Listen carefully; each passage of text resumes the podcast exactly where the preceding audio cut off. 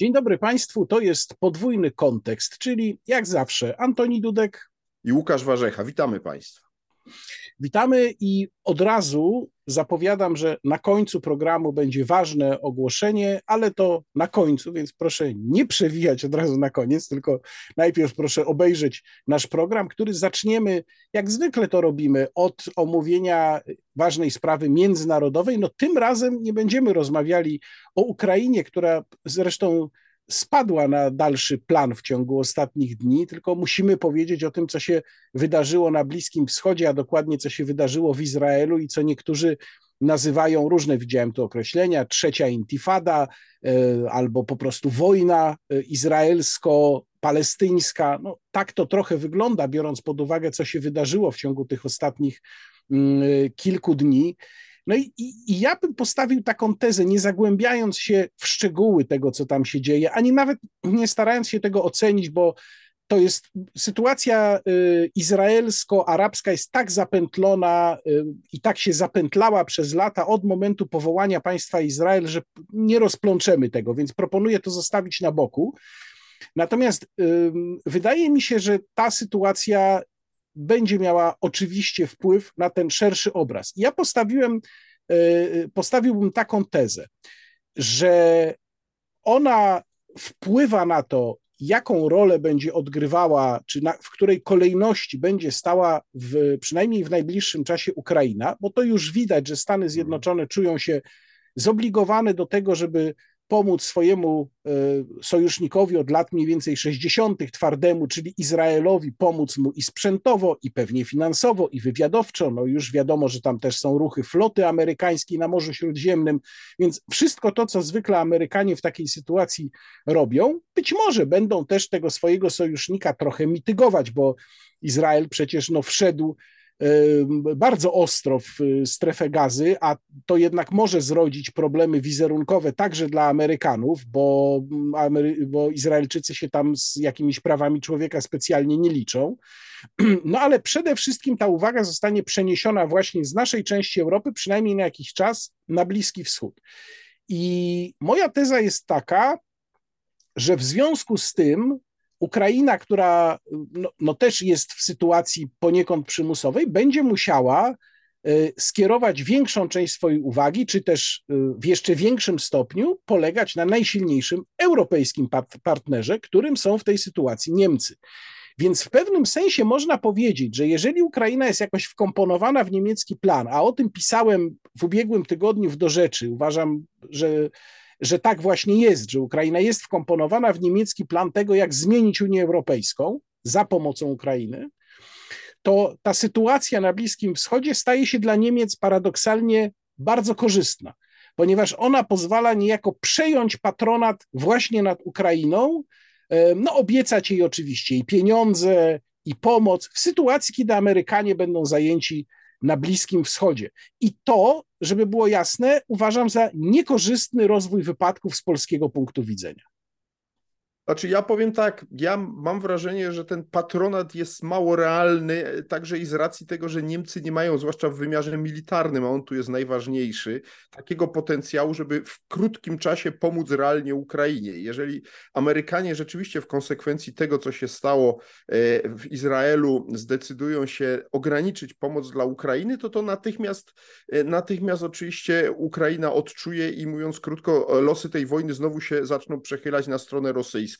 Zresztą niektórzy w ogóle y, dopatrują się y, y, tego ataku Hamasu na Izrael korzeni rosyjskich. Być może tam jakieś działania także Rosjanie podejmowali, ale ja uważam, że to przede wszystkim jest dzieło Iranu. To Iran stoi moim zdaniem za Hamasem i on się tutaj najbardziej zaangażował. Niektórzy szukają takiego dowodu, choćby w postaci pra, daty tego ataku, bo tak się to zbiegło, że to była data urodzin, z tego co słyszałem, Władimira Putina.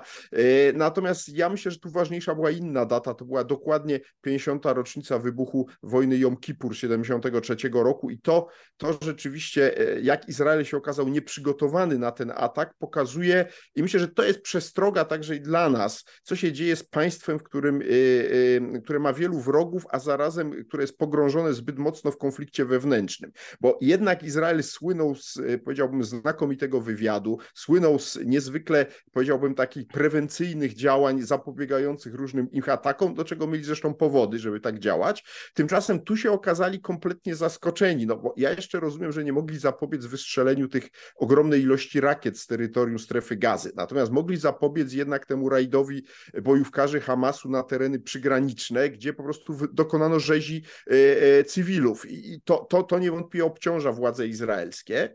I to pokazuje rzeczywiście, e, jak bardzo konflikt wewnętrzny, który obserwujemy w Izraelu, przecież trwający od dłuższego czasu, moim zdaniem rzutuje na morale całego państwa. I to jest ja tutaj, jeżeli pozwolisz, jeżeli, jeżeli pozwolisz, to, to wtrącę się e, i skomentuję taką wersję, która się często pojawia, właśnie dokładnie opartą na tym, bo, bo, ty powiedziałeś, że Izrael był zaskoczony. No tam pojawiały się takie komentarze, że jakieś informacje nie do końca sprecyzowane, mgliste płynęły jednak ze służb, ale że właśnie mgliste, nieprecyzyjne.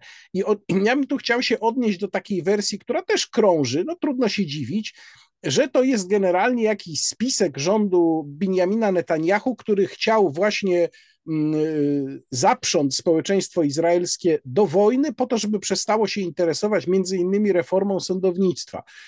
Otóż ja muszę powiedzieć, że uważam ten scenariusz, czy to wyjaśnienie, tę hipotezę za bardzo mało prawdopodobną z takiego oto powodu, że ryzyko polityczne, które niesie ze sobą ta sytuacja, również osobiście dla samego Netanyahu, jest zdecydowanie zbyt duże, żeby uznać, że ktoś mógłby na takie ryzyko świadomie pójść. No bo jeżeli by cokolwiek wyciekło z tego, że informacje były pełne, że Netanyahu to wiedział i nic nie zrobił, to w najlepszym wypadku jest to koniec jego, kompletny koniec jego politycznej kariery i ogromne problemy dla prawicy izraelskiej, a w najgorszym wypadku jest to w ogóle postawienie go przed sądem, oskarżenie o zdradę, czy no nie wiem, jak tam izraelski kodeks y, karny w tym wypadku wygląda. W każdym razie na pewno totalny koniec dla Netanyahu i wielkie problemy dla niego.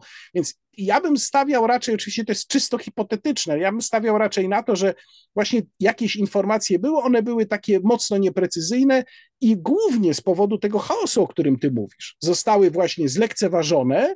Być może była tam gdzieś taka myśl, że a, coś tam się wydarzy, to może nam pomoże, ale jestem przekonany, że nie było pełnej świadomości ani pełnej informacji o tym, co się może naprawdę wydarzyć.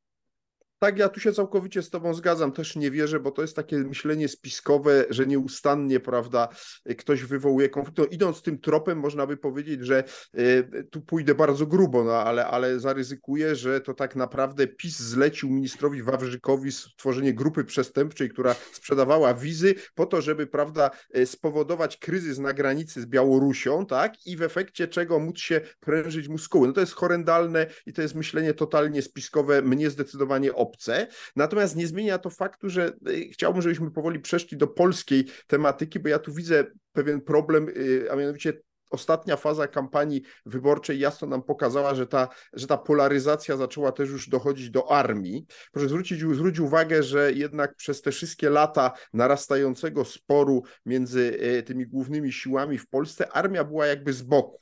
E, a teraz widać świetnie, jak w ostatnich dniach także okazuje się, że ten problem podziału, jaki mamy w Polsce, zaczyna obejmować wojsko. I, i tutaj oczywiście mam na myśli dymisję dwóch generałów najważniejszych w wojsku Polski, generała Andrzejczaka i generała Piotrowskiego, e, bo e, ja nie mam cienia wątpliwości, że oni to, moment, w którym wybrali tą dymisję, nie był przypadkowy. Oni to zrobili celowo, w oczywisty sposób, żeby zaszkodzić Prawu i Sprawiedliwości. Wybrali idealny moment, dokładnie na kilka dni przed wyborami, bo mogli przecież ustąpić tak naprawdę wiele tygodni wcześniej, albo mogli na przykład ustąpić 16 października, ale wybrali to celowo po to, żeby e, trzymając się standardu armii jako wielkiego niemowy, bo rzeczywiście oni do dziś już jest, rozmawiamy przecież w środowy wieczór, a więc dwa dni po tym, jak ta informacja, czy półtora dnia po tym, jak ta informacja się pojawiła, nie udzielili żadnych wypowiedzi, ale zarazem jest to jasna demonstracja ich nieufności wobec przede wszystkim ministra Błaszczaka. To nie mam cienia wątpliwości, tym bardziej, że no, widać wyraźnie, że to nie oni sami ustąpili, bo mamy jeszcze drugi aspekt tej sprawy, mianowicie ja jestem szczerze zdumiony, powiedziałbym, ryzykiem, jakie propaganda PiSu podejmuje, ponieważ ja dzisiaj widziałem po raz kolejny programy informacyjne PiSu, w których ciągle się twierdzi, że nieprawdą jest, jakoby ktokolwiek poza tymi dwoma generałami ustąpił, podczas gdy no, druga strona twierdzi, że są konkretni oficerowie w liczbie 11, którzy w ostatnich dniach też się podali do dymisji i przestali pracować po prostu w dowództwie generalnym sił zbrojnych i myślę, że to do piątku zostanie wyjaśnione i dowiemy się, że ktoś tu kłamie. No, Ta, tam chyba, wiesz co, tam, tam chyba kluczem, kluczem jest chyba używane e, przez stronę rządową określenie e, oni używają takiego określenia bodajże najwyżsi oficerowie, czyli zawsze można powiedzieć, że żaden generał poza tym się nie podał do dymisji. Być może są to pułkownicy, no to już nie są ci najwyżsi, prawda, bo najwyższa jest generalicja, więc może, może to jest taki trik. No nie, być może, ale to moim zdaniem mimo wszystko, to, jeśli tak jest, to, to ten trik ma krótkie nogi, dlatego że no, odejście dwóch generałów najważniejszych oczywiście jest najbardziej spektakularne, jeśli za nimi idzie jeszcze 11, e, e, jak słyszę, oficerów, no jednak nie w stopniu pod, podporucznika, którzy zaczynają karierę, tylko raczej ludzi no, z e, dowództwa, to jest jednak poważny kryzys i to pokazuje, co się dzieje w armii. Znaczy, że armia została tak głęboko wciągnięta do walki politycznej przez Prawo i Sprawiedliwość, przez ministra Błaszczaka, przez te wszystkie żałosne demonstracje, które oglądaliśmy w ostatnich miesiącach, które za wszelką cenę próbowano przy pomocy tej armii zdobyć punkty wyborcze, że to spowodowało moim zdaniem e, jednak e, e, takie, a nie inne zachowanie tych oficerów, bo mówienie, że ci żołnierze, ci dwaj generałowie to są jacyś generałowie, którzy chcą się załapać na następną, następne rozdanie, jest w tym sensie niepoważne, że to są generałowie, którzy w 2018 roku, a więc w czasie pierwszej kadencji PiSu awansowali na te stanowiska i przez pięć lat, można powiedzieć, byli nieustannie chwaleni przez ministra Błaszczaka, przez obóz władzy. I nagle, e, kiedy się pojawiły prawdziwe problemy, czyli historia słynną rosyjską rakietą, bo to ona zdaje się była katalizatorem e, tego już otwartego konfliktu i minister Błaszczak zrobił to, czego absolutnie nie powinien był zrobić jako cywilny minister obrony, czyli próbował zwalić e, winę za na generalicję, za, za to, że tej, że tej mm, rakiety nie, nie znaleziono, czy znaleziono ją przez przypadek i to nie wskutek działań wojska. Po wielu miesiącach. Sprawiło, tak, po wielu miesiącach, że to wszystko sprawiło, że moim zdaniem tam się w dramatycznym jednak położeniu, jakim my jesteśmy, dość yy, yy, wysypało. I, to jest, I to jest podstawowy problem, bo to pokazuje tą, yy, znaczy to jest taka najbardziej, można powiedzieć, dramatyczne potwierdzenie tezy, którą ja głoszę już od kilku lat, że ten konflikt, który się rozkręca w Polsce, zaczyna paraliżować różne obszary funkcjonowania państwa. I to oczywiście nigdzie to nie wygląda tak groźnie jak w przypadku armii, czy służb specjalnych, czy policji policji, ale ja mam podobny odsłuch ze środowiska akademickiego, gdzie się rzeczy straszne dzieją, nie będę tu o nich opowiadał, wszystkie na tle politycznym. E, gdzie ludzie, którzy jeszcze 5-10 lat temu potrafili ze sobą spokojnie dyskutować, dzisiaj są po prostu niezdolni do jakiejkolwiek wymiany zdań poza obelgami, czy wręcz żądania nawzajem wykluczenia się. To samo wedle mojego odsłuchu zaczyna dotyczyć też służby zdrowia, gdzie nie chcę e, straszyć, ale jeśli to dalej pójdzie w tym kierunku, to będziemy mieli sytuację, e, że pewni lekarze będą dochodzić poglądów politycznych pacjentów, a pewni pacjenci będą z obawy przed tym, że lekarz lekarz ma wyraźne poglądy inne niż oni, będą się bali pójść do tego lekarza, bo taki jest ciąg dalszy tego procesu. Więc ja bym się, ja bym się tego obawiał, zwłaszcza, że jesteśmy w apogeum kampanii, emocje są ogromne, no ale powiedzmy sobie jasno, one się nie znikną 16 października. E, moim zdaniem nas czekają jeszcze kolejne wybory, przecież tak naprawdę to, co będzie w najbliższą niedzielę, to jest początek czwórboju wyborczego, to się skończy wiosną 25 roku wyborami prezydenckimi i obawiam się, że jeżeli ten proces się będzie z każdym każdymi tymi kolejnymi wyborami coraz bardziej pogłębiał, no to czeka nas rzeczywiście państwo sparaliżowane na wielu polach. I to jest pytanie, no więc... czy to da się zatrzymać. Na razie ja nie widzę szans na zatrzymanie tego procesu, niestety. Tak, no, no muszę powiedzieć, że ta, ta twoja diagnoza jest bardzo przygnębiająca, bo ja się starałem znaleźć jakieś usprawiedliwienie, uzasadnienie dla takiego e, gestu generałów Andrzejczaka i Piotrowskiego, no bo wychodzę z założenia, że odpowiedzialny, myślący propaństwowo generał z dużymi horyzontami, bo takim był rzeczywiście przecież generał Rajmund Andrzejczak, raczej by ze względu na ten etos armii powstrzymywał się właśnie przed takim no, dosyć ostentacyjnym wchodzeniem w politykę, tą swoją dymisją, gdyby nie było jakiegoś już naprawdę bardzo, bardzo poważnego powodu. To znaczy, staram się wciąż optymistycznie myśleć, że to nie chodzi tylko o niezdolność do współpracy, do gadania się, czy brak sympatii w stosunku do pana ministra, że nie chodzi tylko o kwestię tej ewakuacji z Izraela, gdzie tam podobno niektóre media twierdzą, że tutaj było jakieś nieporozumienie, tylko że Ale chodzi to być tylko o coś naprawdę kropla, dużego. To znaczy, to, ta tak, to ewakuacji tak prawdopodobnie tak. mogła być kropla, ale ja nawet przy tym uważam, że oni zdawali sobie sprawę, zwłaszcza Andrzejczak, ale też Piotrowski, no to są przecież poważni ludzie, jaki będzie efekt polityczny tych dymisji. No oczywiście musieli sobie że oni tak, wybrali musieli sobie zdawać sprawę. Tak, no tylko, że jeżeli tak jest, i, a, a tym bardziej, jeżeli ten powód nie jest jakiś taki, um, no powiedziałbym, natury już naprawdę absolutnie zasadniczy, zasadniczej. Czyli nie chodziło o to, żeby wysłać takie druzgocące ostrzeżenie, tylko że po prostu im się źle pracuje z tą ekipą i zrezygnowali w tym momencie, no to by znaczyło, że niestety ta twoja teza o takim już bardzo, bardzo ostrej polaryzacji wchodzącej w rejony, które nie powinny jej podlegać, że ona jest prawdziwa. No, to jest niestety bardzo, ale to bardzo niepokojące. Ale zgadzam no się, że rzeczywiście tak jest. No to znaczy, widzimy to na każdym kroku. A no i jeszcze jedna rzecz, przecież, o której musimy powiedzieć przy tej okazji, to znaczy, to jest faktycznie bardzo mocny cios w sam rdzeń narracji PiS. Bo przecież cała praktycznie ostatnia faza kampanii, mówię ostatnia faza, bo wcześniej to tam bywało różnie, ale ta ostatnia faza cała jest zbudowana na pojęciu bezpieczeństwa. To jest zresztą nawet w haśle PiS przecież, prawda? Tak. No więc więc, więc y, ta rezygnacja no, podważa absolutnie podstawę i fundament kampanii Zjednoczonej Prawicy. To prawda i dlatego y, y, ja mam wrażenie, że PiS na tym straci. Nie wiem ile, natomiast ich próby przerzucenia odpowiedzialności na Tuska, że to Tusk zorganizował spisek w sztabie generalnym, w naczelnym dowództwie sił zbrojnych, bo takie są y, przesłania, no jest po prostu komiczne, bo ja bym jeszcze nawet był skłonny w to uwierzyć, gdyby ci generałowie byli na tych stanowiskach od czasów rządów Tuska. No on ich tam trzymał jako tych ostatnich swoich śpiochów i teraz ich wybudził, żeby ich rzucić do walki. No Szkopuł Konrady Walenrody. Szkopuł w tym, że ci generałowie przeżyli czystki Macierewicza, największe czystki w dziejach generalicji III RP, po czym jak przeżyli te czystki nastał Błaszczak, to Błaszczak ich awansował. Oczywiście niektórzy twierdzą, że to nie Błaszczak, tylko prezydent Duda, bo rzeczywiście jedną z hipotez y, y, wyjaśniających ten konflikt jest to, że oni tak naprawdę to nie byli od Błaszczaka, tylko byli od prezydenta Dudy, ale gdyby tak było, bo tego też nie wykluczam, to po pierwsze jednak pięć lat jakoś Błaszczak z nimi wytrzymał. Po drugie, mielibyśmy dowód na to, e, e, po raz kolejny to, o czym ja tu też w tym programie wielokrotnie mówiłem, wadliwości ustroju Polski, jeśli chodzi o organizację naczelnych władz państwowych, nawet w sytuacji, kiedy rządzi jedna opcja polityczna. Mówiłem tu o tak zwanej dwugłowej egzekutywie, a mianowicie, że formalnie armią ma kieruje minister obrony, ale w przypadku nominacji generalskiej decydujące zdanie ma prezydent, bo jak on jakiegoś generała nie chce awansować, czy nie chce jakiegoś pułkownika zrobić generałem, to go nie zrobi. I tutaj iskrzy bardzo mocno, nawet w ramach jednego obozu politycznego, w tym wypadku między, no, między jak iskrzyło między Dudą a Macierewiczem, to pamiętamy, bo tam te iskry były widoczne publicznie.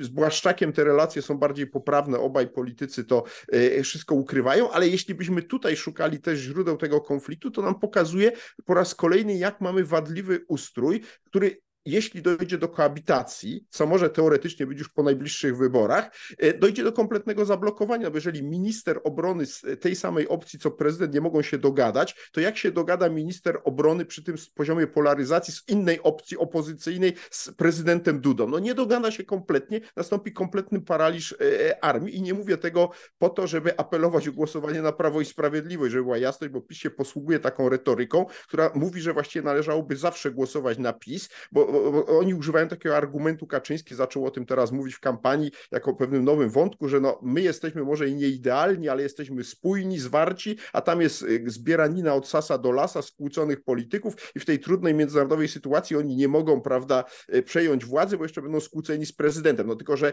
y, rozumując w ten sposób, za, za półtora roku nam powiedzą, głosujcie na kandydata z PiSu, bo mamy dalej rząd, prawda, który nie może być narażony na konflikt z prezydentem z innej opcji. I w ten oto sposób teoretycznie zawsze PiS powinien rządzić, co jest absurdalne. Natomiast pokazuje nam, jak państwo polskie jest niestety źle zbudowane e, jeszcze w oparciu o konstytucję z 97 roku i na razie szans na wyjście z tego pata nie ma. Moim zdaniem nie będzie, dopóki nie dojdzie do kompletnego zablokowania. Znaczy, moja prognoza jest taka, e, bo zaraz przejdziemy do naszych prognoz e, niedzielnych wyborów, że e, najprawdopodobniej już po 15 października nastąpi pierwsza faza zablokowania wewnętrznego państwa polskiego. Ponieważ ja mam podejrzenie, że PiS nie zdoła, mówiąc krótko, utrzymać samodzielnej większości i stworzyć samodzielnie rządu, a to oznaczać będzie początek końca rządu w tej partii. I to jest moim zdaniem moja główna teza i prognoza dotycząca niedzielnych wyborów. Mogę ją uzasadnić, dlaczego tak uważam. No, to do prognozy to jeszcze przełóżmy na Dobrze. koniec, tam je rozbudujemy, ale najpierw wróćmy do mm, wydarzeń, które miały miejsce od naszego ostatniego programu i też spróbujemy za chwilę tu Państwa uspokajam, jeżeli na to Państwo czekają, podsumować tak ogólnie kampanię wyborczą, ale najpierw y, parę słów na temat y, marszu Miliona Serc, który się nie okazał marszem Miliona Serc, tylko nie wiem, może marszem 500 tysięcy, może 300 tysięcy, na pewno nie miliona, ale to chyba nawet nie miało jakiegoś większego znaczenia. W każdym razie nie była to liczba, która by kompromitowała Donalda Tuska i koalicję obywatelską. No i jednocześnie w katowickim spotku odbywała się konwencja Prawa i Sprawiedliwości. Tutaj Odsyłam Państwa też do materiału w moim ostatnim wideoblogu, gdzie oba te wydarzenia omówiłem. Link się gdzieś tutaj na górze pojawi. Natomiast y, ten, ten marsz, no tu jest pytanie, czy on rzeczywiście zadziałał, czy zadziała, dając taki impuls, jaki dał marsz 4 czerwca. Jedna różnica na pewno była bardzo widoczna, czyli to, że o ile 4 czerwca y, złymi ludźmi komentowanymi na tym marszu byli mm, y, ludzie z trzeciej drogi, o tyle tym razem, mimo że ich nie było i wcześniej zapowiedzieli, że ich nie będzie, mm, y, była, były wręcz wyrazy serdeczności i pozdrowienia dla nich. No, czyli to pokazuje jednoznacznie, że Donald Tusk stwierdził, że dalsze wpychanie trzeciej drogi pod próg może mu bardziej zaszkodzić niż pomóc. A druga rzecz, no to to zestawienie z Katowicami. I tu wiele osób wskazywało e, na, na, na to, jak bardzo różne były te wydarzenia nawet w podejściu no, do, do, publiczności, do rozłożenia tego wszystkiego, że z jednej strony jest to otwarcie, no bo marsz w plenerze to wiadomo otwarcie, a z drugiej strony to zamknięcie w gronie działaczy i takie bardzo um, kategoryczne, agresywne nawet wystąpienia ja miałem skojarzenie, nie wiem, być, być, może ono za daleko idzie, podzieliłem się nim też z moimi widzami w wideoblogu, ciekaw jestem, czy, czy, czy to by się nasunęło. Ja miałem skojarzenie z dwoma minutami nienawiści z roku 1984 Orwella, zwłaszcza w momencie, kiedy tam Dominik Tarczyński z deską w ręku wykrzykiwał tam do tych, czy chcecie podwyższenia wieku emerytalnego? Nie chcemy, krzyczy tłum. No to prawie jakby na Emanuela Goldsteina krzyczeli tam w roku 84 Czyli jakby wydźwięk tego był kompletnie inny, bo oczywiście Donald Tusk odklepał swoje tradycyjne formułki na marszu, między innymi te, że my doprowadzimy do porozumienia narodowego. Nie wiem, jak mają do tego doprowadzić, bo zaraz na drugim oddechu powiedział o rozliczeniach, ale y, była mowa o, o tym porozumieniu narodowym. Więc y, Pytanie jest takie, na ile ten marsz ym, rzeczywiście może koalicji obywatelskiej i opozycji pomóc? Moja teza by była taka, że w mniejszym stopniu niż 4 czerwca. I właściwie efektu sondażowego, jakiegoś uderzającego tego marszu nie widać. No ale też nie ma porażki, to też trzeba sobie wyraźnie powiedzieć. Znaczy, moja opinia jest taka, że marsz 1 października nie pomógł samej ko ko koalicji obywatelskiej, bo tu rzeczywiście jakiegoś wyraźnego skoku w sondażach nie ma, ale pomógł opozycji na lewo odpisu jako całości.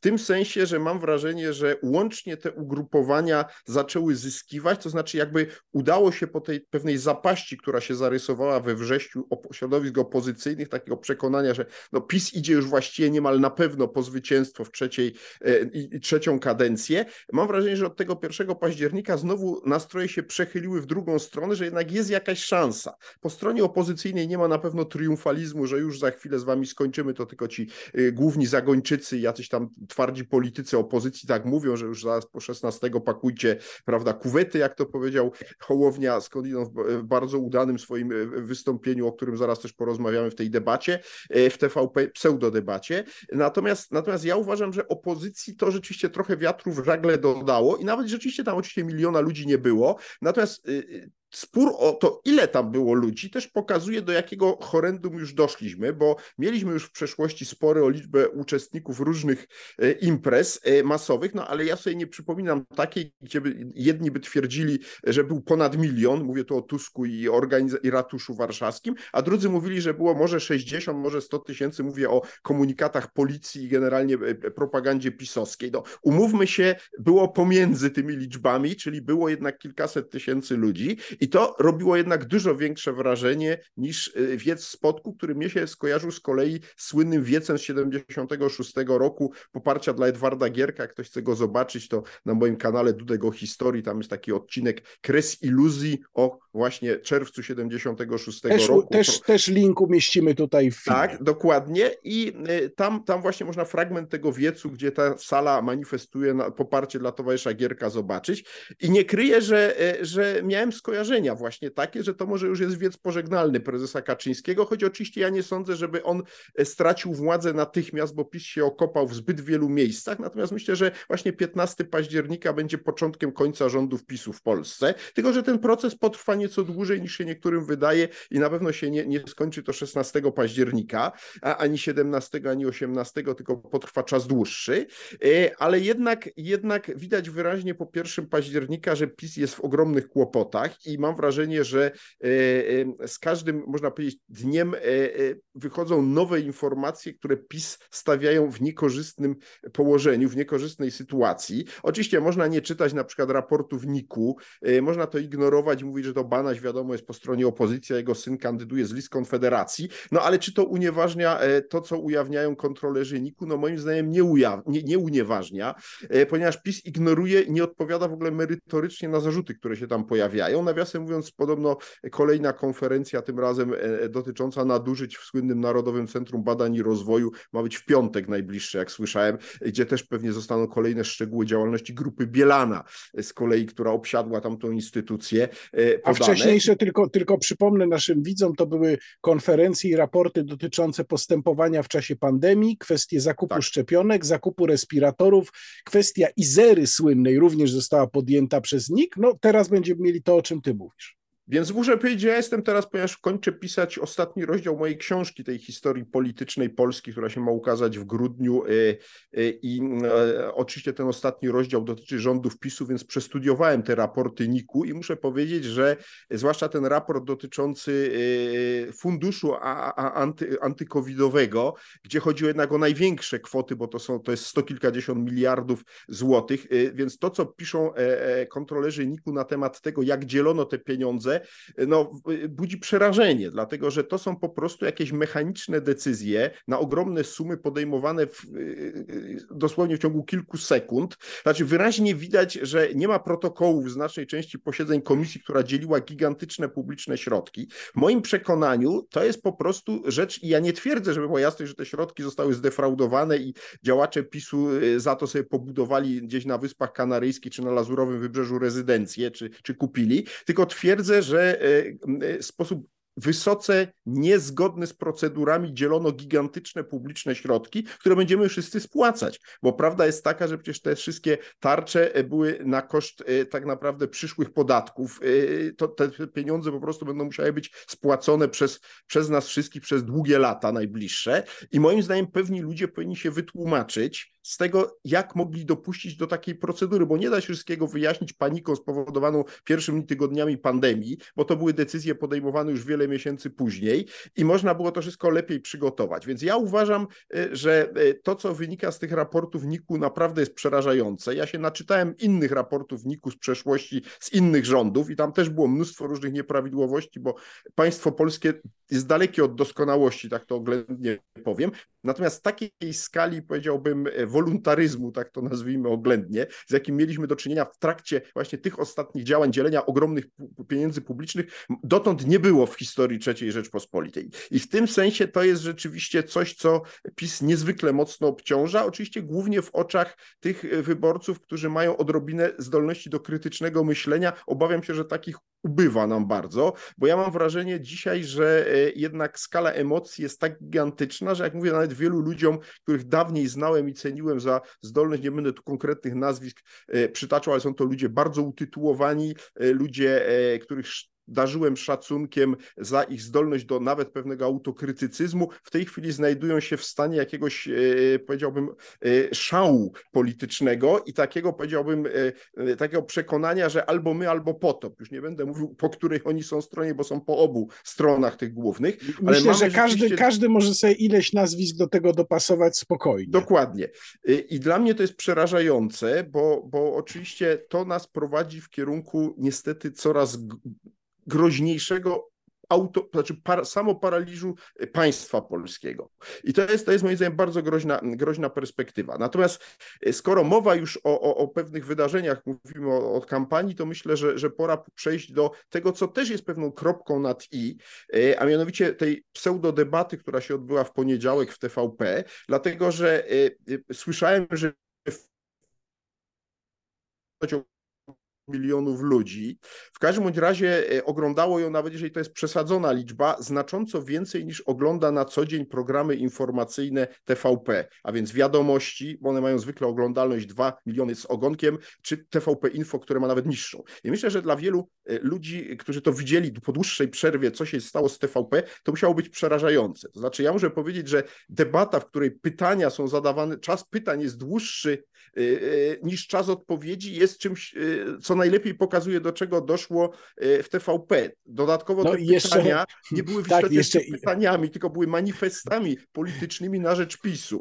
I jeszcze Więc... były na wszelki wypadek, zgodnie z Goebbelsowską e, dewizą, powtarzane, żeby tak. to się jeszcze dobrze wbiło. Ale Antoni, ja cię, być może cię zaskoczę, bo tu trochę pozwolę sobie wejść w słowo i trochę optymizmu rzucić tutaj, bo ja mam też w pierwszym momencie myślałem, a do niczego, żadna debata, co to w ogóle jest, nie można się między sobą tam komunikować. W debacie przecież tak powinno być, tak są amerykańskie debaty zrobione, że jednak zadawane są pytania wzajemnie. No, wszystkie te zastrzeżenia, ale potem uświadomiłem sobie jedną rzecz. Mateusz Morawiecki i Donald Tusk, dwaj moim zdaniem absolutnie przegrani tej debaty. Tak. Morawiecki wypadł jak to Morawiecki, czyli jak cyborg, który w ogóle nie był inspirujący, sztywny i tak dalej, a Tusk wypadł zaskakująco słabo, kiepsko po prostu w tym nieprzychylnym dla siebie otoczeniu. I, I, oni tak naprawdę, ci dwaj niby najwięksi, stanowili tło dla tych pozostałych. I ja sobie pomyślałem, że być może jest jakaś liczba ludzi, którzy te debaty obejrzeli. Nie byli to tylko stali widzowie TVP przecież, no bo jednak, ponieważ było to właściwie tak. jedyne takie miejsce, więc tam na pewno oglądało to wiele innych osób. Ale także widzowie TVP zobaczyli, być może część z nich, być może ta część, która jest zdolna do tego, jak powiedziałeś, krytycznego myślenia, że poza tym duopolem, kurczę, tam są jacyś ciekawi ludzie. Nawet ta nieszczęsna Joanna Szojring-Wielgus, gdzie ja w ogóle z lewicą to nie mam nic wspólnego, byle jak najdalej. Myślałem, że ona wypadnie gorzej. Ona też nie wypadła źle. E, objawił się ten całkiem ciekawy Krzysztof Maj. E, no, Krzysztof Bosak, Hołownia, bardzo dobrze sobie rzeczywiście poradził. I może tutaj byśmy mogli zobaczyć jakieś światełko w tunelu albo jakiś ten y, jasny rąbek, czy jakąś korzyść z tego, że tamci dwaj się poniekąd skompromitowali, a jakaś część ludzi zobaczyła, że są też inni, że to jednak nie jest taki wybór między 0 a 1, między piekłem a niebem, diabłami a aniołami, tylko coś jest innego. Do wybrania. No to między innymi zobaczymy po wyniku wyborów, bo oczywiście ja mam podobną ocenę tej debaty, że najgorzej wypadli tam Morawiecki z Tuskiem e, i że oni głównie sobą się interesowali, koncentrowali się na złośliwościach pod swoim adresem, czego jednak reszta e, próbowała unikać i próbowała jednak e, jeszcze coś zaprezentować, co by chciała w Polsce zmienić i zrobić, a temu teoretycznie taka debata powinna służyć, a nie dezawuowaniu strony przeciwnej. To chcę powiedzieć, że dowiemy się o tym oczywiście po wynikach 15 października, bo to będzie łatwo sprawdzić, a mianowicie jak sumujemy wyniki wspólne PiSu i Koalicji Obywatelskiej. Czy to będzie poniżej 70%, czy powyżej 70%? Bo jeżeli to będzie poniżej 70%, to będzie dowodziło, że powoli duopol słabnie, natomiast jeżeli to będzie powyżej 70%, to znaczy, że się ma znakomicie i y, jeszcze długo, długo będzie w polskiej polityce dominował. To, to jest taki prosty, prosty y, mechanizm. Tak naprawdę, żeby on się zaczął zupełnie sypać, to musiało być to poniżej 60%, a to wydaje mi się kompletnie nierealne. Y, raczej to będzie między 60 a 70%. Mówię o łącznym wyniku PiSu i e, Koalicji Obywatelskiej. Taki, taki, taki rezultat mi się wydaje na dziś najbardziej e, prawdopodobny. Natomiast e, chcę jeszcze o jednym powiedzieć wątku, bo już wcześniej za, zacząłem ryzykować pewne prognozy wyborcze, teraz bym chciał też o tym powiedzieć. Dlaczego uważam, że nawet jeżeli PiS co bardzo prawdopodobne, będzie miał najwięcej głosów, ten słupek w niedzielę będzie w tych badaniach exit poll najwyższy PiSu, to zaczyna się skółek jego rządów. No w moim przekonaniu dlatego, że ja uważam za najbardziej prawdopodobny taki wynik wyborów, który nie zapewni PiSowi samodzielnej większości. Czyli pojawi się e, jednak e, e, konfederacja w roli tego języczka uwagi, nie wiem z iloma posłami, czy z 20, czy z 40, czy nawet z 60, ale w każdym razie bez nich nie da się zbudować żadnej większości. I tak naprawdę przyszłość polskiej polityki, jeśli ten scenariusz się zrealizuje, będzie zależała od odporności Konfederacji na, że tak powiem, próby jej rozbicia, ewentualnie wciągnięcia do jakiejś koalicji przez którąkolwiek ze stron. Tu e, powiem jasno, tuż przed naszym nagraniem widziałem wywiad Sławomira Mencena e, e, w TVN-ie, jego pierwsza wizyta w tej stacji, bardzo burzliwy, nie będę go tu streszczał, ale istotne jest to, że Mencen tu bardzo kategorycznie po raz kolejny powiedział, że jego partia nie zamierza wchodzić do koalicji rządowej ani z PiSem, ani z antypisem.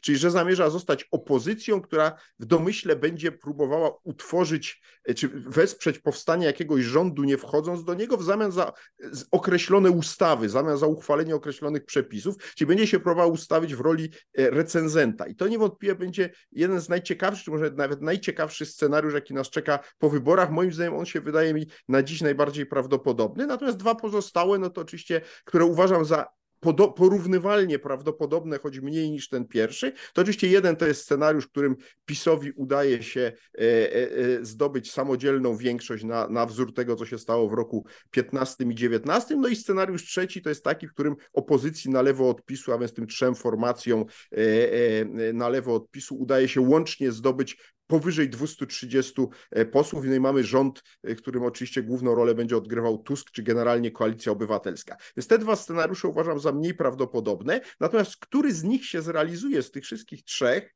to nie kryje tu podtrzymują moją opinię i ona się raczej już nie zmieni do, do, do, do, do, do niedzieli, będzie zależało od wyniku trzeciej drogi. I paradoksalnie pośród tych licznych haseł, e, które padły w tej kampanii, ja za najbardziej prawdziwe uważam hasło albo trzecia droga, albo e, trzecia kadencja PiSu. W tym sensie, że e, rzeczywiście, jeżeli trzecia droga spadnie poniżej 8%, to to jest jedyna szansa dla PiSu nie wejście trzeciej drogi, żeby mieć samodzielną większość. Jeżeli trzeciej drodze uda się choćby o pół procenta, czy nawet jeden, jedną dziesiątą procenta przekroczyć ośmioprocentowy próg wyborczy i wejść do Sejmu, moim zdaniem szanse PiSu y, y, na samodzielną większość maleją niemal do zera.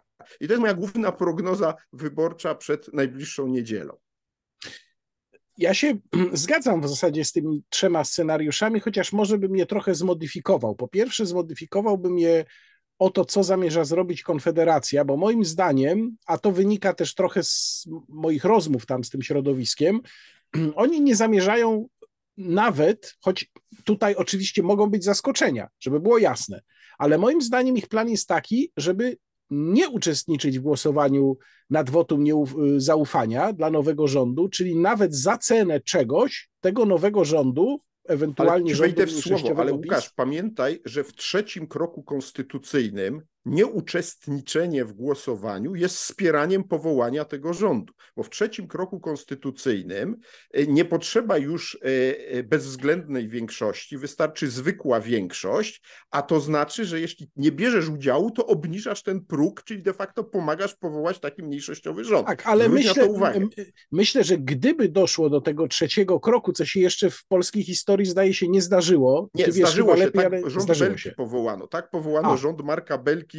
w 2004 roku właśnie ze strachu, bo już na, gdyby tylko wtedy nie powołano, były przedterminowe wybory i wtedy tak zwana frakcja posłów dietetycznych od diet poselskich rzuciła się do głosowania i Belka czyli, został jednak premierem jeszcze Czyli mamy, premierem. tak, czyli mamy jeden precedens, natomiast myślę, że w tym trzecim kroku powstrzymanie się od głosu będące de facto poparciem y, y, wotum zaufania dla rządu byłoby dla Konfederacji dopuszczalne, natomiast ja mówiłem o tym pierwszym kroku, ponieważ plan Konfederacji moim zdaniem jest taki, żeby okopywać się w opozycji, budować się w opozycji, brać subwencje, budować zaplecze merytoryczne i czekać na kolejne wybory. To mogą być też przyspieszone wybory, bo tutaj o tym jeszcze nie mówiliśmy. No, Natomiast na pewno, tak ja bym powiedział, ja bym powiedział, że w, ja bym poszeregował te, te scenariusze, trochę właśnie modyfikując tak.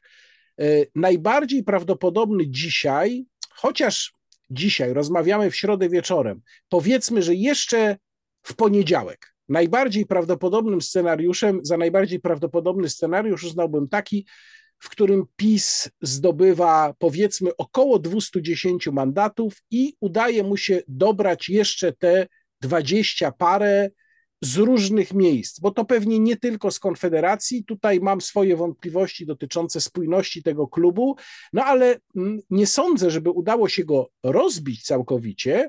Natomiast gdyby to była kwestia wyjęcia pięciu, sześciu, może ośmiu osób, to jest możliwe. Reszta gdzieś poskubana z innych miejsc, to by się mogło poskładać. Zwłaszcza gdyby tych mandatów PiS zdobył nie 210, tylko może 215, no to już się robi wtedy w miarę proste, jak na umiejętności polityczne PiSu. Drugi scenariusz to jest taki, w którym PiS spada poniżej 200 mandatów albo tam w okolice 200 mandatów, no to już się robi wtedy ciężko i wtedy, prawdę mówiąc, nie wiem, być może będziemy przechodzić przez te kolejne kroki konstytucyjne i ostatecznie trafi piłeczka do opozycji y, siłą rzeczy, czyli właśnie w trzecim konstytucyjnym kroku. Nie, tak nie, nie, to, nie to, nie, to ja od razu ci wejdę w słowo. Opozycja ma szansę tylko w drugim kroku, ponieważ w drugim kroku to tworzenie rządu jest po stronie, e, po stronie Sejmu, czyli oni sami mają wyłonić Tak, przepraszam, miałem na myśli drugi krok, nie trzeci. Kroku, tak, tak, to znowu w trzecim wraca do prezydent. Dudy, bo w trzecim kroku znowu prezydent desygnuje kandydata na premiera i ja nie uwierzę, że Andrzej Duda desygnuje kogokolwiek nie PiSu. Y, to, to, to jest oczywiste, że także w trzecim kroku będzie jakiegoś innego polityka PiSu próbował przepchać na premiera rządu mniejszościowego. Tak, oczywiście ja, ja się pomyliłem, miałem na myśli drugi krok, nie trzeci. Um, więc być może, czyli pierwszy scenariusz to jest ten, tak myślałem, bo dzisiaj już nie wiem, ale parę dni temu bym powiedział, w którym PiS y, prawie, no jest blisko, na tyle blisko, że udaje mu się jakoś tam rzutem na taśmę zebrać te głosy. Może być też tak, że udaje mu się zebrać głosy do poparcia wotum zaufania, ale już nie do większości, czyli powołany zostaje w rząd mniejszościowy z wotum zaufania, no ale jest to rząd mniejszościowy. I to też jest możliwe. Niekoniecznie głosami Konfederacji. No ja jeszcze. Tak, tak, mów, mów. Znaczy, jeszcze jedną rzecz w tym kontekście chcę powiedzieć. Zanim dojdzie do tych wszystkich działań, o którym tu powiedziałeś, Sejm wybierze swojego marszałka. I moim zdaniem wybór marszałka Sejmu będzie w istocie pierwszą wielką rozgrywką w parlamencie i dopiero od tego będzie w dużym stopniu zależało, e, czy, e, czy, czy komu i na jakich zasadach uda się stworzyć rząd. I chcę powiedzieć wyraźnie, że jeżeli nie będzie marszałka Sejmu z PiSu, to to będzie pierwszy jasny sygnał tego, o czym mówiłem wcześniej, że PiS zaczyna tracić władzę. To będzie pierwsze znaczące stanowisko, które PiS straci na drodze do utraty władzy. Czyli mogę sobie wyobrazić sytuację, że e, nie, nie będzie marszałka z PiSu, choć będzie rząd mniejszościowy pisowski jeszcze przez powiedzmy półtora roku. Natomiast e, jeśli stracą fotel marszałka Sejmu, to w praktyce ten rząd będzie na łasce jednak tego marszałka, ponieważ wszystkie przedłożenia rządu będą albo wędrowały dość szybko do, do głosowania, albo będą w zamrażarce w szufladzie marszałka Sejmu tkwiły. Więc PiS, jeśli chce naprawdę realnie utrzymać kontrolę nad państwem, musi najpierw jeszcze przed wszystkimi rozmowami na temat składu rządu czy jego powołania, musi przeforsować swojego człowieka na marszałka Sejmu. I to jest rzecz, która, wokół której się rozegra moim zdaniem wielka batalia, bo nie leży w niczyim interesie żadnej formacji z Konfederacją włącznie w Sejmie, żeby e, poza PiSem, żeby marszałek był z PiSu. Czyli inaczej mówiąc, e, ci duzi gracze mogą paradoksalnie postawić na mniejszego gracza, byleby tylko to nie wpadło na, w ręce PiSu. Przez dużych graczy mam na myśli koalicję obywatelską, no i ewentualnie tą formację, która będzie miała trzecie miejsce i paradoksalnie marszałkiem Sejmu może zostać też na przykład, jak nie z Konfederacji, to ktoś z PSL-u na przykład, e, który jest też taki, powiedziałbym, e, pitowa, pivotalny, to się takie ładne słowo, które kiedyś Marek Belka spopularyzował, a więc taki potencjalnie na różne strony. To a propos tego dobierania posłów, o których mówiłeś, bo rzeczywiście jest też tak, że e, w PSL-u jest ta mniejszościowa grupa, ale jednak ona tam ciągle istnieje, która byłaby skłonna jakoś rozmawiać z PiSem na temat wsparcia takiego, takiego tak. rządu. Więc to też jest coś, co może e, zaistnieć, jeśli rzeczywiście PiSowi będzie brakowało dosłownie kilkunastu posłów. Natomiast czy ich będzie brakowało, tego oczywiście nie wiem. To, co powiem, kończąc już mnie najbardziej nabawa niepokojem, to to, czy rzeczywiście uda się uniknąć ogłoszenia wyników wyborów bez gigantycznej awantury. To znaczy, inaczej mówiąc, czy rzeczywiście te wybory przebiegną w tym sensie spokojnie, że wszystkie strony uznają ich wynik ogłoszony przez Państwową Komisję Wyborczą. E, z najbliższych informacji z PKW, których słyszałem, wyniki wyborów mają być oficjalne, nie ogłoszone jak to zwykle bywało w poniedziałek wieczorem, tylko dopiero we wtorek wieczorem. Te głosy będą liczone o jedną dobę dłużej z racji tego, że wprowadzono no, zasady które mówią o tym, że e, każdy, każdy głos ma być oglądany przez całą komisję wyborczą, nie tylko przez jednego jej członka, no co w oczywisty sposób wydłuża proces liczenia głosów. Będziemy mieli prawdopodobnie olbrzymi problem z głosami oddanymi za granicą, bo już wiemy, że rekordowa ilość Polaków, ponad 600 tysięcy się zarejestrowała i moim zdaniem nie ma technicznych szans, żeby oni byli w stanie oddać te głosy 15 e, października. Jakaś część po prostu, która chciała zagłosować, nie zagłosuje. To też będzie przedmiotem ogromnego sporu i awantury, bo tu ewidentnie e, e, MSZ sprawę zawalił i to oczywiście wszystko można prowadzić na słynnego ministra, eks-ministra Wawrzyka zwalać, ale to w moim przekonaniu e, nie zadowoli opozycji. No i wreszcie mamy to, co niektórzy już mówią, sam mam wątpliwości, czy o tym powiedzieć, ale powiem, bo już o tym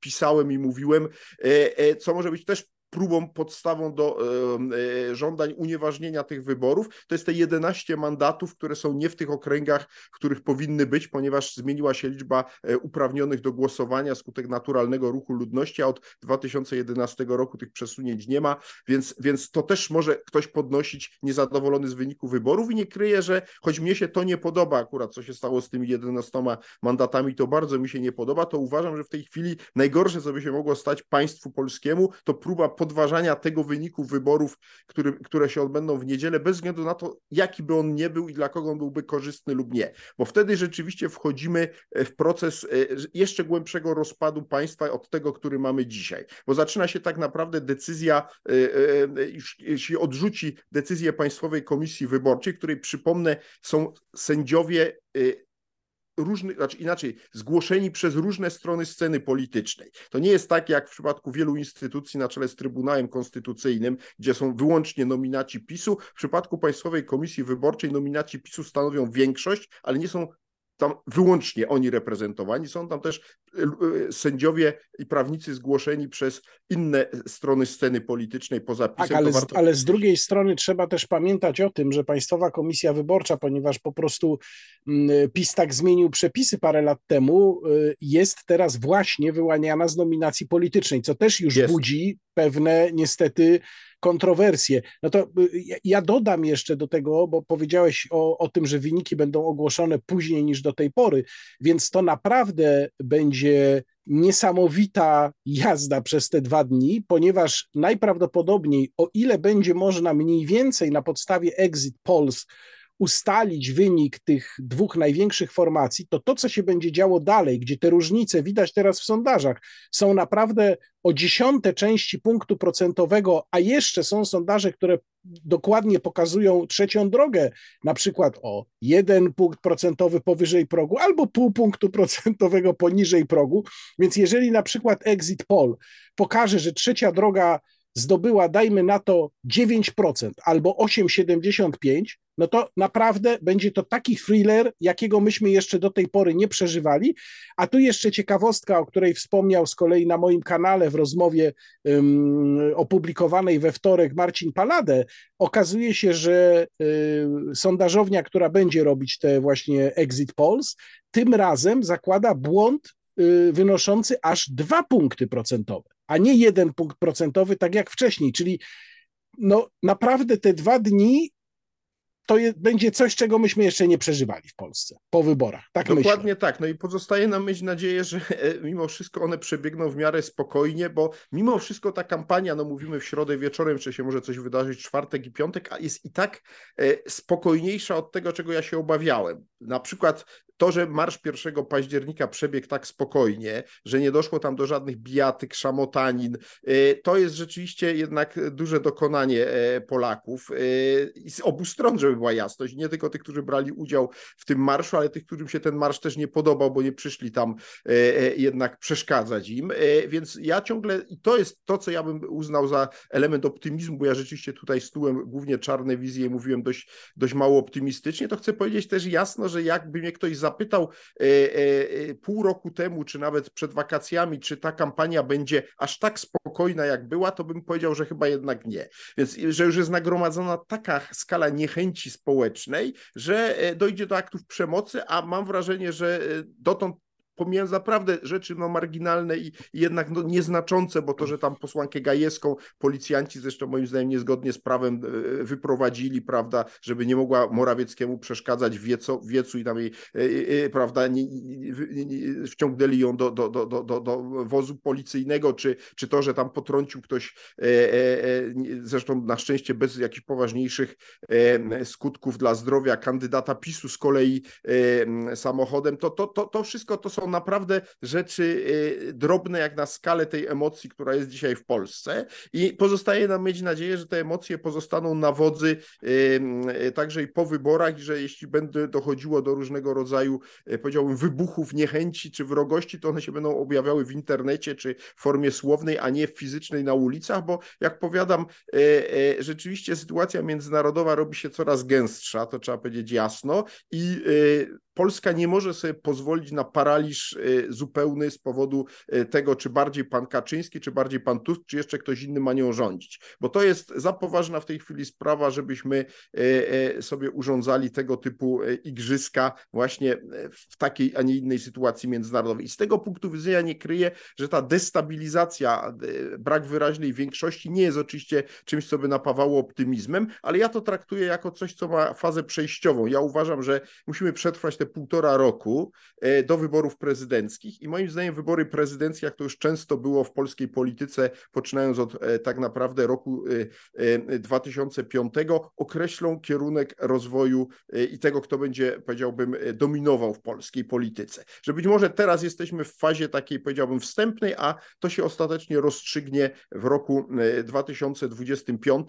bo albo ten prezydent, którego wtedy wybierzemy, wzmocni tą opcję słabą, która się wyłoni z, tego, z tych niedzielnych wyborów, albo ją wysadzi w powietrze i wtedy prawdopodobnie wybory przedterminowe e, e, do parlamentu jesienią 25 roku by nam ustabilizowały być może dopiero sytuację, ale tak jak powiadam, ja mało wierzę z kolei w to, co niektórzy prognozują, że czekają nas po kilku tygodniach dosłownie, czy kilkunastu tygodniach kolejne wybory jeszcze na przełomie tego i przyszłego roku. W to nie wierzę, bo oczywiście teoretycznie, jeśli dojdzie do tego trzeciego kroku konstytucyjnego i nawet on nie wyłoni rządu, to prezydent Duda nie będzie miał wyboru, bo konstytucja mu jasno jasno nakazuje rozwiązać parlament i zarządzić nowe wybory. Natomiast moim zdaniem, mając na horyzoncie e, wybory e, europejskie i wybory samorządowe w pierwszej połowie przyszłego roku, miażdżąca większość klasy politycznej w swoim dobrze pojętym interesie zrobi wszystko, żeby jednak ten Sejm aż tak szybko, który wybierzemy w niedzielę, nie zakończył swojego żywota i żeby dotrwał jednak do, do wyborów prezydenckich. To jest taka moja ostatnia, kończąca e, nasze rozważania prognoza na długofalowe. No to, to ja muszę powiedzieć, że po pierwsze podpisuję się pod tym, co mówisz, jeżeli chodzi o, o, o zachowanie spokoju, i o to, żeby jednak się tym emocjom za bardzo nie dać ponieść, choć pewnie każdemu z nas się zdarza, no ale miejmy tam gdzieś w tyle głowy, że to jednak mimo wszystko chodzi o nasze państwo. Po drugie, muszę powiedzieć, że też zmieniłem zdanie, jeżeli chodzi o prawdopodobieństwo szybkich przedterminowych wyborów, bo myślałem, że to jest dosyć prawdopodobne jeszcze powiedzmy 2-3 miesiące temu. Teraz wydaje mi się, tak jak tobie, że to jest no, scenariusz wciąż jakoś tam możliwy, ale mimo wszystko mało prawdopodobny. Jak będzie, no to zobaczymy oczywiście. A teraz ten komunikat specjalny, o którym mówiłem na początku programu, i pewnie niektórzy z Państwa się może ucieszą, inni się może zmartwią. Mam nadzieję, że tych, co się zmartwią, jest więcej. Ale to jest, proszę Państwa, to był właściwie ostatni podwójny kontekst. I tutaj to jest nasza wspólna decyzja. Postanowiliśmy ten format zakończyć. Uznaliśmy, że on się, jak to się mówi w niektórych telewizjach, wyczerpał, co oczywiście nie znaczy, że Antoni nie będzie moim gościem od czasu do czasu w cyklu Rozmowa Niekontrolowana, tak się umówiliśmy. No ale to, proszę Państwa, był ostatni podwójny kontekst.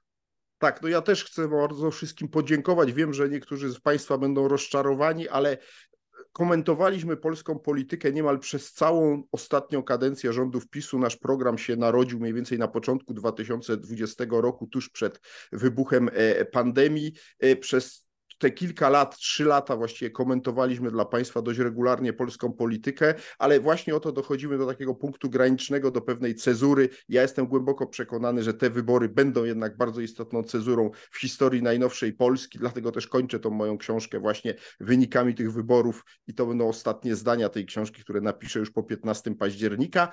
Zachęcam do lektury, książka ma się ukazać w grudniu e, tego roku, a dziś Pozostaje mi Państwu podziękować i Tobie, Łukaszu, za tą współpracę. Myślę, że było to interesujące dla nas obu doświadczenie i myślę, że e, nigdy nie powinniśmy mówić nigdy, więc może kiedyś wrócimy do państwa gdzieś indziej w jakiejś innej formule, e, e, w jakiejś innej postaci i będziemy dalej komentować polską politykę, bo, bo to lubimy i myślę, że mamy do tego obaj kompetencje. Każdy trochę patrzy z innej strony, ale to miało pewną wartość i, i ta wartość w Polsce e, myślę jest potrzebna. Także mam nadzieję, że nasze spotkanie w przyszłości też będzie możliwe.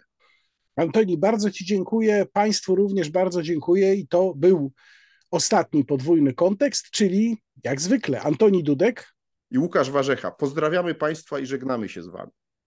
Pozdrawiamy.